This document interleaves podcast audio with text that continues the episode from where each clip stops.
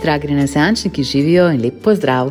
Glede na super odzive, ki smo jih dobili na zadnjo epizodo, ko smo se mičkem pogovarjali o projekcijah leta 2022, si upam posneti še eno solo epizodo in sicer tokrat na temo mentorstv. Odgovorili bomo na vprašanje, kako najdeš mentorja, kako izbereš pravega mentorja zate, kako mentor v bistvu izbere tebe, kako je mentorstvo strukturirano, kaj so najboljše prakse in kaj se zgodi, ko prerasteš mentorja. Tako da jaz se veselim, da gremo na to skupno pot potovanje in mogoče samo malo za background, za ozadje. Se pravi, jaz sem do zdaj med 200 in 250, morda 300 ekip mentorirala in v Sloveniji najbolj znane, ki verjetno poznate, so EKVB, D-Labs, Inobox, ki je zdaj startup leta, potem imamo Pitch Buddy Plan, um, imamo full, full, full, full, full različnih podjetij, s katerimi smo delali. Ampak nekaj je meni tako totalno najpomembnejše, ker se lotevamo tega in sicer osebnostno ujemanje. Danes, na primer, sem imela tudi en klic, ki so meni povabili, da jih mentoriram v sklopu razpisa P2, ki so ga dobili in smo ugotovili, da je Rok Hrasnik, tudi gost na našem podkastu, veliko boljši mentor od mene za tiste konkretne stvari, ki oni rabijo. In tukaj prva stvar, ki bo jo izpostavila, je res ta iskrenost, tisto, da imamo najboljše za ekipo v srcu, v mislih, kadar delamo kakršna koli priporočila. In iz tega vse izhaja. To je druga stvar, ki je pa blazno pomembna pri tej poti, je pa v bistvu, da je to naraven način učenja. Se pravi, če si bil včasih tako nek čevljarski vajenec, pa ne vem, lučkar, pa karkoli tazga, si dobil enega mojstra, nekoga, ki je že tam, ki si hotel, zato da si se naučil njegovih veščin. In, naprimer, te mojstri včasih sploh niso bili plačani, so pač delali za prenočišče in za hrano. Jaz tega definitivno ne podpiram, da se ne bomo bolj razumeli. Ampak ja, gre se na takšen naraven način prenosa znanja med generacijami. In vsi tisti, ki ste tam, jaz bi vas definitivno spodbudila, da se vprašate, če bi bili tudi vi dobri mentor, in po drugi strani mlade ljudi, kdo bi lahko bil dober mentor za vas, kdo je tisti, ki je že dosegel tisto, s čimer vi inspirirate. In tukaj le v sklopu mentorstv. Na začetku se je pri meni v bistvu začelo zelo taktično. Kje so tista znanja, ki jih lahko prenesem na mlade ljudi, na prihodne generacije, na vzhajajoče podjetja? Se pravi, je bilo zelo tit for tat, to je takšen transakcijski način kako lahko jaz neko podjetje opremenitem.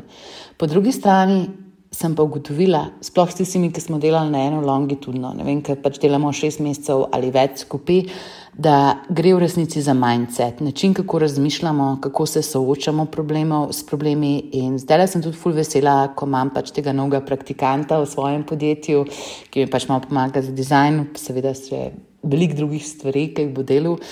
V glavnem, ni sam pač tehnična ekspertiza, ki jo prenašamo, gre za sistem, kako se mi soočamo s problemi, ki ratajo v biznisu, ki ratajo včasih tudi v življenju. Da bom čim bolj konkretna, se pravi, ta moj praktikant je itek pač oblegan z vseh strani, zato ker to je tako, kar se naredi z vsemi mojimi, s katerimi delam, pač ker jaz enkrat delam z njimi, potem jih vsi ostali pograbijo. In meni se zdi to dobra stvar. V resnici jaz tega ne zameram, zato ker če jaz lahko tukaj le delam kot neka valilnica talentov, meni se to zdi definitivno uredno, meni se to zdi pozitivno, neki tasga, s čimer lahko delamo spremembo. In evo, danes si že dobil pač tako ene tri povprašanja od drugih ljudi in mi je rekel, Maja, ampak meni se zdi, da sem jaz postavil prenisko ceno. Ja, to je moje najljubše vprašanje, se veste to. Uh, v glavnem sem mu rekla, ne, le ti si realno v cenu obseg dela, ki ga boš imel s tem klientom, pač ko pod to, ki se ti nisi pripravljen pač ukvarjati s tem projektom, it's ok. In naravno je, da 50 do 70 odstotkov biznisa ti zapreš, ostalo pa pač zgubiš. Ker če bi imel 100 odstotkov win rate, kot smo se pogovarjali s Simonom Belakom, to pač ni ok. To pač to pomeni, da prodajaš prepoceni in da se podcenjuješ. Tako da, evo, prva lekcija, ki smo jo tukaj osvojili praktično skupaj, je, da gre za on takšen naraven prenos znanja, izkušenj in tudi načina, kako mi mislimo med generacijami, oziroma med temi, ki smo že nekaj naredili v biznisu, in med tistimi, ki še boste.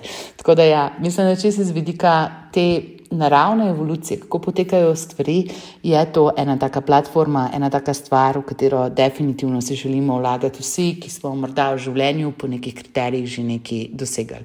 Zdaj pa gremo kar direktno na specifična vprašanja, ki jim jih ponavadi največkrat zastavite v okviru mentorstva. Še enkrat, ta podcast ni na noben način napisan naprej, jaz sem pač tako zbrala te stvari, ki ponavadi dobim na LinkedIn-u, a pa na Instagramu in poskušam to strukturirati v en takšen govorni vložek. Ni pa tisto, da bi pač karkoli prevajala, pa pač se nekaj tukaj faulirala, da sem smarter, da nam em. To pač je res en takšen konglomerat mojih izkušenj, izkušenj mojih kolegov, s katerimi smo v redni praksi in to je to. In prvo vprašanje, ki ga najpogosteje dobim, je, kako najdeš mentorje.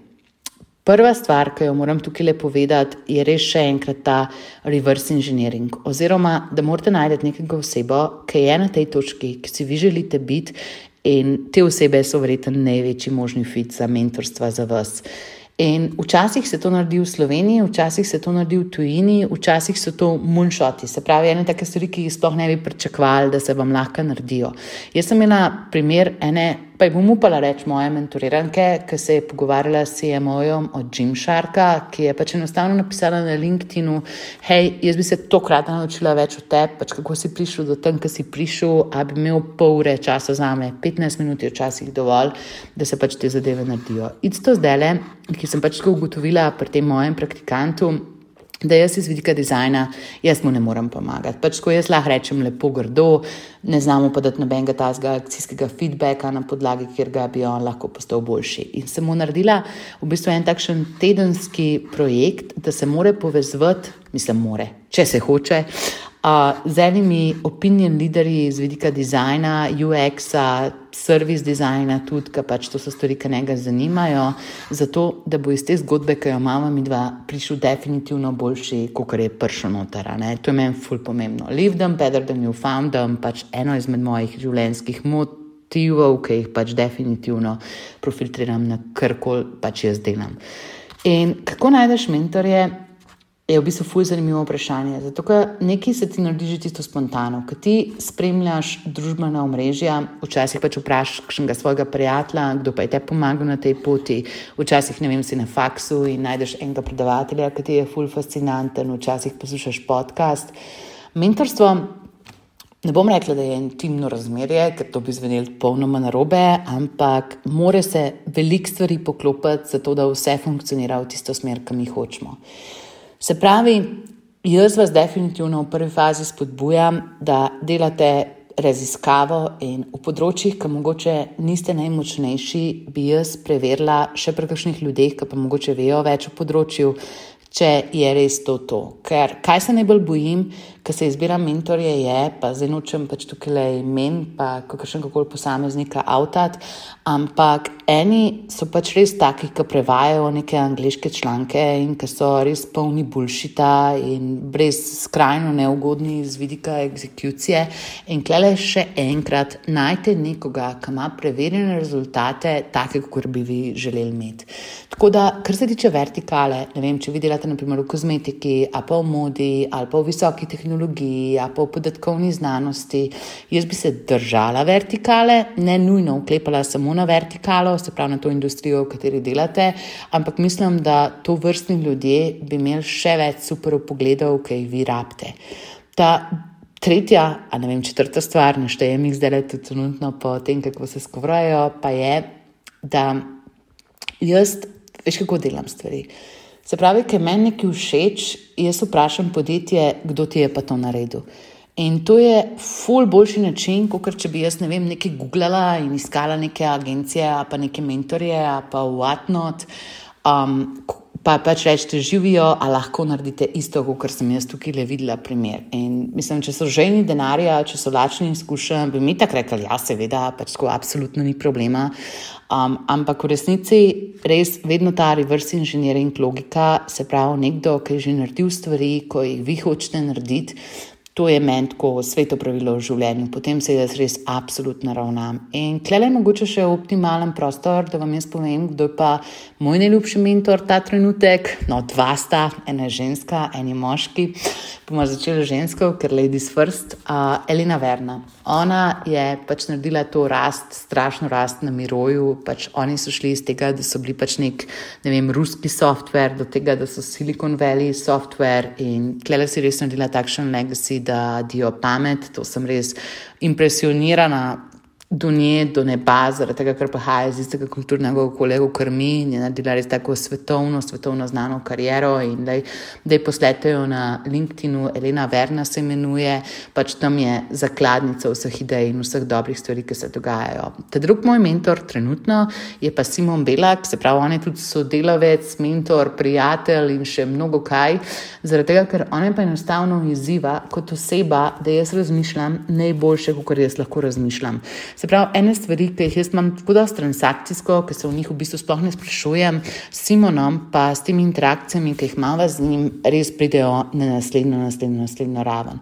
Drugače, če se boste pogledali, no, mislim, obstaja v Sloveniji baza mentorjev, jaz res tisto, kar klele na mentorstvih je res ogromen skema. In so pač res neki ljudje, ki so brok, ki niso v življenju še nič naredili pametnega in ki pač sam blebečajo, ki nimajo nobenih preverljivih rezultatov. Uh, jaz bi to vse challengela, bi pač pogledala čez lupo, čez mikroskop.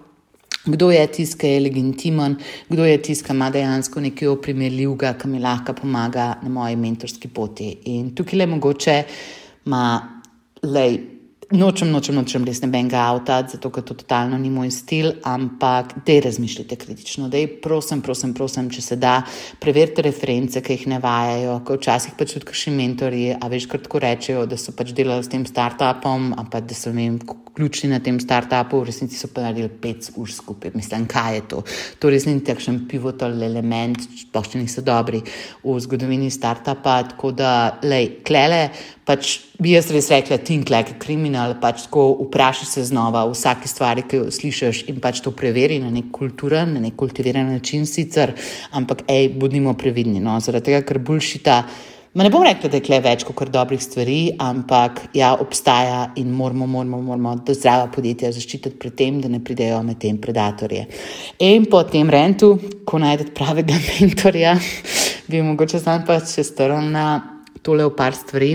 Se pravi, kaj so konkretni action pointi? Prvo je, da se vprašaš, kaj so tvoji cilji kje bi ti rad bil. A bi bil rad na Amazonu, a bi rad pač naredil pol milijona kot konzultant na leto, a bi, ne vem, rad imel zaposlenih 20 ljudi, tako kaj so res tisto tvoji cilji.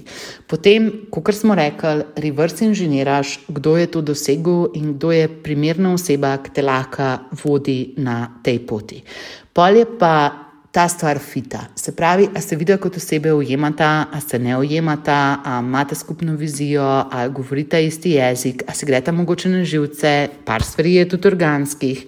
In jaz z vsemi, no, ki me pač prosijo za mentorstvo, res naredim en takšen kol, ki se reče fit kol, ki jih dobesedno to vprašam, ker sem zdaj rekla, kaj so tvoji cilji, tako kaj vi kot ekipa rabite, kako vi kot ekipa funkcionirate, pa pač tudi zelo iskreno govorim o svojih plusih, o svojih minusih, se pravi, kaj jaz lahko naredim za njih, kaj ne morem in je mogoče kakšen boljši človek na svetu, da lahko to naredi.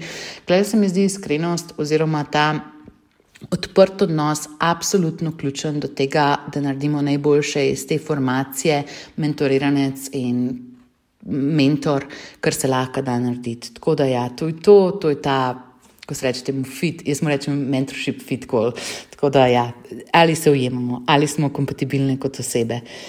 In pol, ki imaš dejansko mentorstva, mi je ful, ful, ful, ful, ful pomembno, da imamo oboj, na obeh straneh v bistvu eno vizijo, kaj bi radi dosegali. In tle spet cilji so lepilo tega, kar moramo mi narediti. Se pravi, če podjetje nima ciljev, jaz ne vem, kako jim lahko pomagam. Enostavno kot to. Ko pa imamo cilje, pa lahko spet reverse inženiramo, inženiramo nazaj, ne vem, kako naj to prevedem, kako pride do teh ciljev. In klele pa vzpostavljam še eno tako ful močno stvar, ki sem se res v življenju naučila, da je zelo pomembna in sicer accountability check oziroma tedenski, mesečni, 14-dnevni pregled nad stvarmi, ki so bile narejene in stvari, ki mogoče niso bile narejene. In klele jaz pri svojih naredim pač ko ene štir polja tam v Merobordu. Prvo stvar, napišemo pač dan. Kaj so stvari od tedna do tedna, ki so se premaknile, se pravi, kaj so tiste stvari, ki smo jih naredili. Potem imamo dve stvari, dve problematični področji, ki jih lahko naslovimo tisti teden, ne vem, v polurnem, enournem sestanku.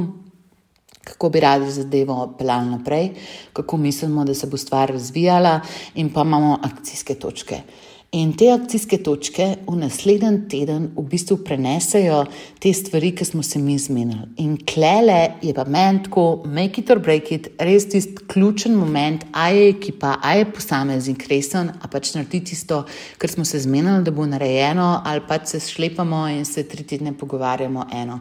Tako da to je v bistvu edina stvar, ki mene pač res tako razjezi do neba kot mentorco, če se pač res tri tedne pogovarjamo eno in isto. Pa jaz vse razumem pač tako življenje se naredi, stvari pridejo, ne vem, rodijo se otroci, imamo, ne vem, snemanje na terenu, karkoli tasga. In v teh primerih jaz pač svoje spodbudujem, da rajš skenslajo mentoriranje, kot da mi pridemo tja, ne vem, iz uljudnosti in da se nimamo nič za pogovarjati. Ja, pa še kar se pogovarjamo o mentoriranju, pozabila sem v moment še eno stvar in sicer, da mentoriranje je lahko formalno, a pa neformalno. Kaj mislim pod formalno je, da vsakmu startupu, vsakmu novo ustanovljenemu podjetju v Sloveniji prepada, jaz ne vem, 150 tisoč ali 200 tisoč kapitala, mislim, ti spodbud, ne me držati klele za besedo, ampak ja, to pač so te razpisi, kot so 5-2, ki je urbalna pamet tudi predstavljal, potem so ta mentorstva pod SEO, slovensko inovacijsko okolje in klele pač res so te formalne spodbude in te elementi podpornega okolja, pred katerimi pač lahko delamo. Potem definitivno so tudi pač tako samostojni plačniki na trgu. To, mislim, če me vprašate, kako je cena mentoriranja, tako po teh postavkah, ki jih imamo napisano v državnih razpisih, je 105 evrov na uro. Um, zdaj cene grejo lahko do 2500 evrov na uro, ampak cena. Lej, ne te nas skrbi toliko, kot transformacija. Ker jaz pač raje delam z nekom pač eno uro in vem, da mi bo naredil res nenormalen preboj v biznisu in da bom pač iz tega prišla boljša, kot da si izberem nekoga, ki res to dela vem, za 50 evrov na uro, samo da dela čas. Tako da klele, jaz vedno, vedno, vedno, vedno rečem, ono izberi si tisti čas in bod kritično razmišljajoč posameznik, zato da najdeš svoj najboljši meč. In cena klele, mislim, da sploh ne gre tako vloge, no, da se bo to tako zelo ošabno slišal, kot kar transformacija, ki jo lahko naredijo v biznisu. Ker včasih, pač ko v eni uri. Ti lahko nekdo reši problem, ki pač ti v firmo prenese pol milijona. Tako banaliziram zdaj le, ampak to cene na ure definitivno niso proporcionalne z urednostjo, ki je lahko ustvarjena. Tako da jaz bi vedno rekla, urednost, urednost, urednost. A smo mi na istih ciljih, a se mi umijemo, a imamo mi približno isto stvarnost, iz katerih izhajamo, to so mi ti kriteriji, ki so mi res pomeni. Cenja je. Pride v drugem planu, in to pač tudi, če imate dober meč, včasih se pa tudi da zmenta. Zato, ker ni pač tisto, take it or leave it. Mi mislim, da smo nekaj bolj uveljavljeni na sceni.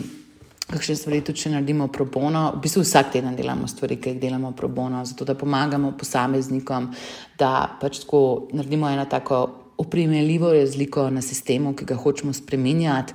Tako da klele res ne izhajamo v mentorski sferi iz nekega pohlepa, ampak vsem pač to, kar se da neka cena, je komitment, je neka taka zaobljuba, da bodo potem ljudje resni in da bodo to tudi več ali manj relevantno naredili. Ker kaj so naprimer videla s Simonom, ko smo delali te kohorte, te kohorte so bile pač tako, najnižja cena je bila 800 evrov na uh, par sessionov, najvišja cena je bila za enkrat, mislim, da 3 ure 500, Jana, mislim, da 6 sessionov, neki tasga, ampak lele res ne moreš biti nič ali ena, pač tako, koliko te stane ena ura interakcije s človekom. Pomembna je sprememba, ki jo lahko narediš.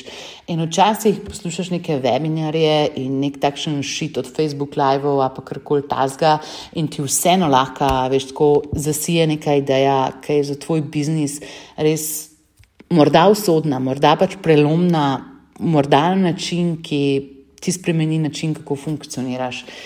In klele res v prvi vrsti iščemo vpliv oziroma impact, v drugi vrsti se sprašujemo, kaj je cena oziroma kako je zdaj način, kako bomo lahko to financirali. To se ponavadi vse uredi, ne bom rekla magično uredi, ampak pač tukaj je tudi iz vidika državne podpore imamo nekaj mehanizmov, s katerimi lahko pač skupaj delamo in podpirajo to naše sodelovanje.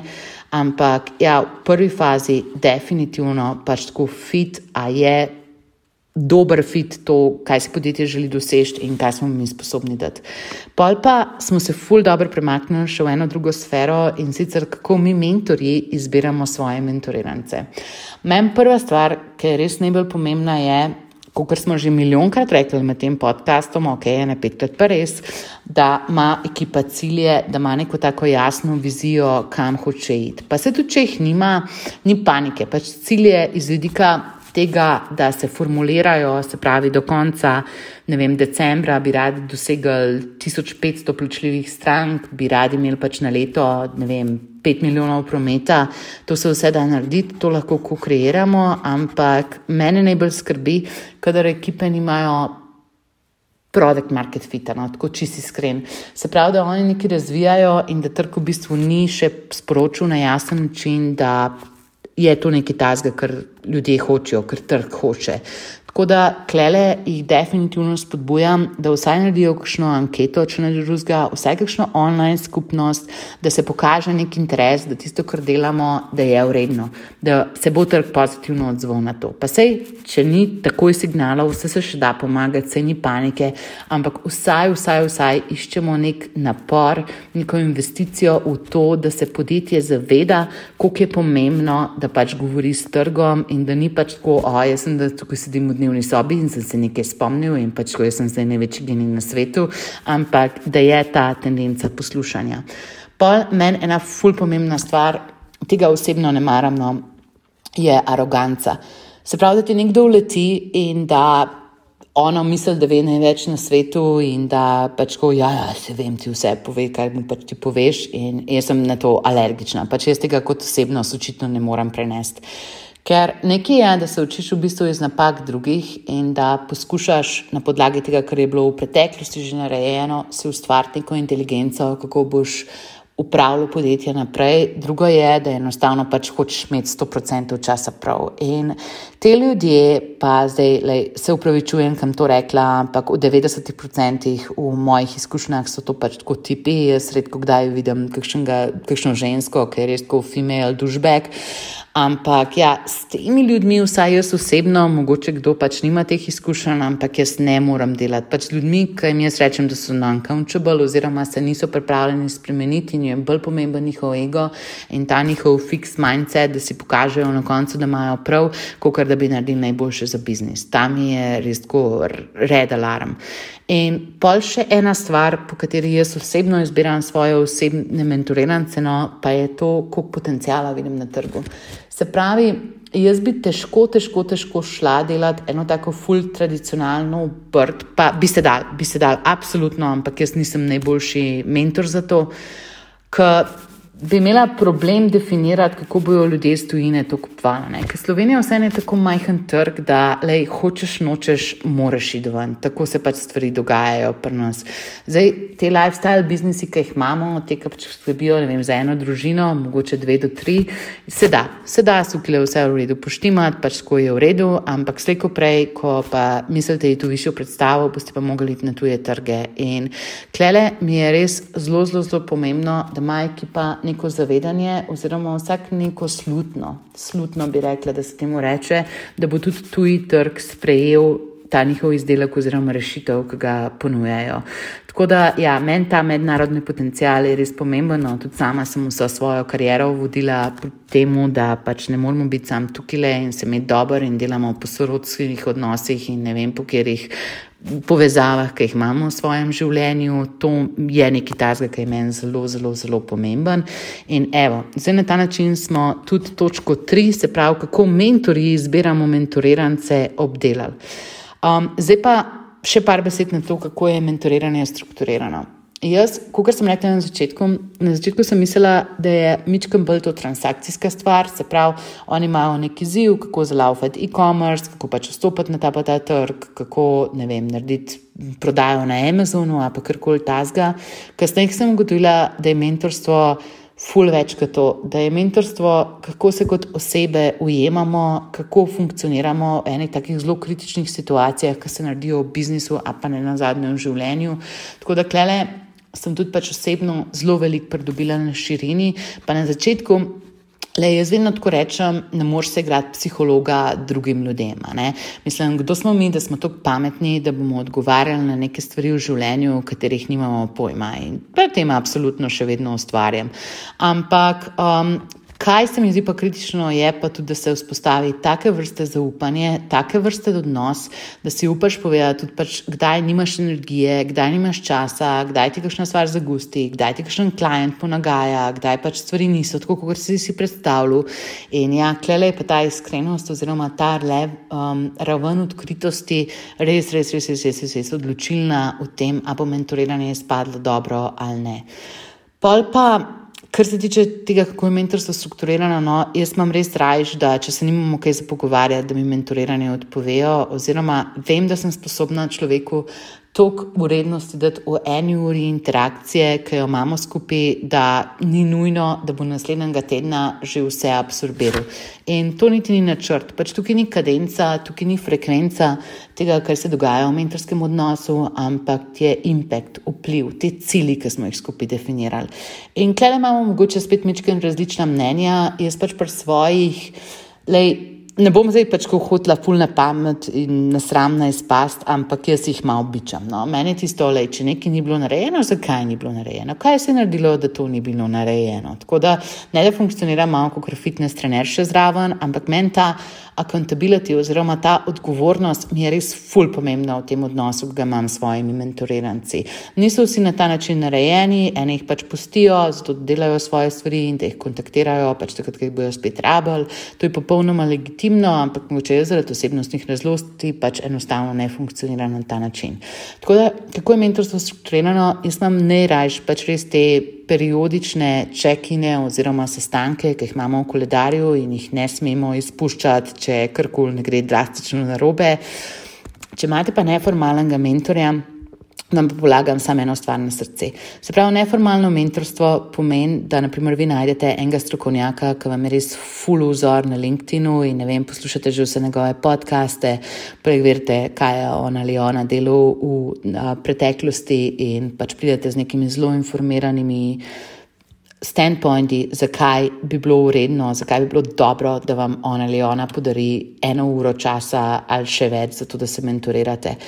In klele se mi zdi pa res, res, res, res, res ključno, da personaliziraš.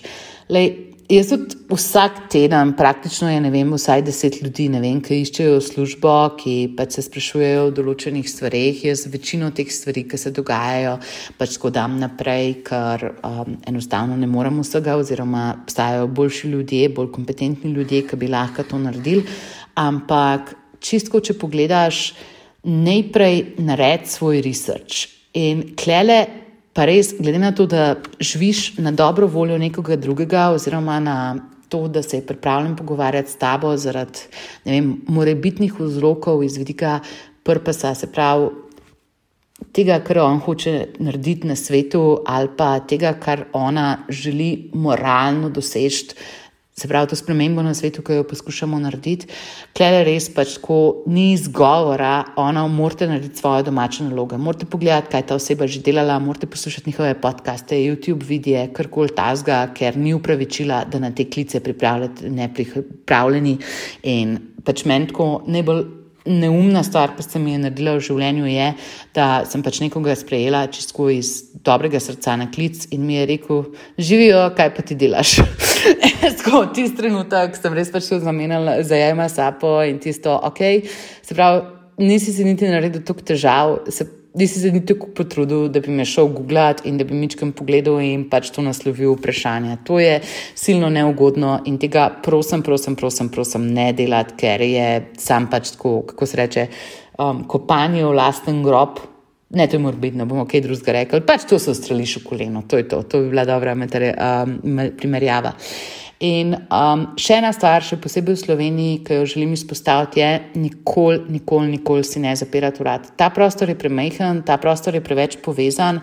Mislim, srečaš ene ljudi, s katerimi si bil pred 12 leti skupaj v biznisu in karkoli naredite, pač ko ne pustiti nobenega na cedilu, če se zmenite, da se srečate, ne pač ponikati nekam, pač ko povejte, da nimate časa, pa pač kdaj se jim lahko oglasite, pa karkoli tazga, ker ja, ta prostor je res premehen in preveč povezan, da bi lahko sploh si prvoščili to vrste napake. Tako da to je bilo to. To se mi zdijo en taki ful pomembni. Ne lekcije, ki sem se jih jaz naučila na področju tega, kako je mentorstvo strukturirano, odvisno od interakcije, lahko je zelo ad hoc, lahko je pač zelo spontano, se pravi, se pokličemo, kadar se kaj rabimo, se ne vem, še kdaj dobimo vmes, se imamo dobro kot ljudje in pa še kaj podebatiramo v biznisu, ali pa pač imamo tedenske sprinte in vidimo, kaj se pol naredi. Tako da to je malo odvisno od zrelosti podjetja, od potreb podjetja in tudi med odnosa med mentorjem in mentorirancem. Jaz sem, primer, večino teh, ki imam bolj odprte odnose. Prej smo se pol leta res pač ko jagal, je bilo pač, a si naredil, a nisi naredil, pač to bil ta accountability check, pa pač ljudem tudi zaupaš. Pač tako verjameš, da so sjajni in včasih potegneš v tiste biznise, ki jih imaš ti, tako da to je dobro. In to je idealna istočnica, da se začnemo pogovarjati še v zadnji stvari danes, ki bi jo rada naslovila in sicer, kaj se pa naredi, ko prerasteš mentorja. Se pravi, ti si bil zapaljen na neko osebo, zdelo se ti je, da je ta oseba sjajna in da te lahko ogromno, ogromno, ogromno stvari nauči, pa pa enkrat vidiš, da se stvari začnejo ponavljati, da mogoče ni več tiste svežine, kot je bila na začetku. In klele moje zadnje sporočilo je, da je to povsem ok.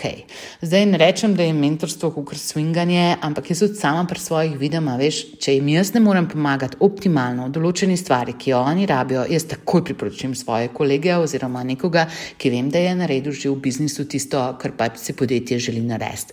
In klele se mi zdi, da moramo biti resnicoljubni, da moramo biti iskreni in da se moramo res obnašati na način, ki tvor oboje stransko korist. Ker, naprimer, sploh če imate kakšne take vem, mentorstva, ki so financirane iz KIA, pa karkoli tasga, kaj je narava storitvenega posla. Narava storitvenega posla je, da boš zavlečval, zato da iz osebe lahko potegneš čim več keša. Morda se nekdo ne bo strinjal z mano, ampak meni se zdi, da. Tipičen primer tega no, so kakšne terapije ali pa karkoli tasga, kako kar da človeku ne bi skoraj da pustil ozdraveti oziroma dozoreti, zato ker to je tvoja stranka in kako da ti kind of ne bi bilo v interesu, da se ta oseba pozdrav. In s tem imam jaz pa blazne ideološke probleme, zaradi tega, ker v mojem življenju je pomembna samo ena stvar: live them found better than you found them. Pač tako hočem narediti en pozitiven impact, en pozitiven vpliv na kjerkoli človeško interakcijo imam jaz v življenju. Zdaj, ker rečem, kjerkoli, seveda obstajajo določene izjeme, ampak. Splošno vodilo je, da nobenemu po interakciji z mano ne bi prvoščila, da je na slabšem, kot kar pred interakcijo z mano. Tako da to je nekaj tajnega, mogoče sem mičkano zafilozofirala zdaj le, ampak kaj hočem povedati je, da ti si najboljši mentori ne rabimo tega delati. Pač tako res nam je to, le če delamo, a pa ne delamo, pri nas je tako, da želimo vrniti neki svetu, da imamo svoje altruistične vzgibe, da imamo mogoče dolgoročni interes, kako želimo, da se to področje, ta industrija razvija naprej in da izhajamo tudi iz neke hvaležnosti, ker obstajajo tudi ljudje, ki so nam na naši karjerni poti ogromno pomagali in se čutimo zdaj, da iz vidika generacijskega sožitja, da je pravi čas, da nekaj tega tudi vrnemo delamo. In klele, pa po moje, rabimo en takšen konsens med mentorji in mentoriranci, kakšen svet si želimo in enostavno to. Kaj je kdo pripravljen narediti, da, to, da bo ta svet takšen, kot smo si ga zastavili? Morda zveni zelo, zelo, zelo idealistično, ampak jaz mislim, da vsak, ki pride na to točko, da mogoče pač tako mu ti mentori iz lokalnega okolja več ne ustrezajo, da jih je prerastel, da je fajn, da si ali najde mentorje v tujini. To sem jaz rekla temu svojemu mentorirancu Docs for Motion.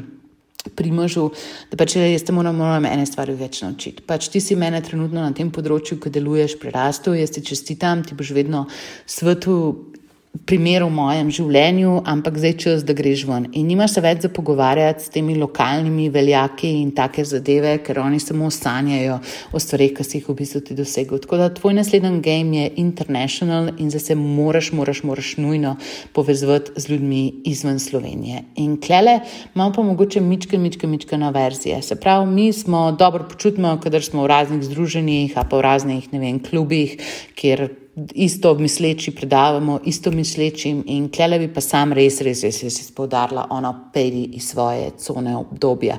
Nared vsak dan neko stvar, ki te prestraši, ki je absolutno nad tem, kar si si mislil, da lahko narediš, pač tako izzivi sam sebe, ker lej, dober mentor te bo izzivil, ampak ne vsak dan. Tako da ta to mentalnost, ta mentality je fajn, da tudi usvojiš.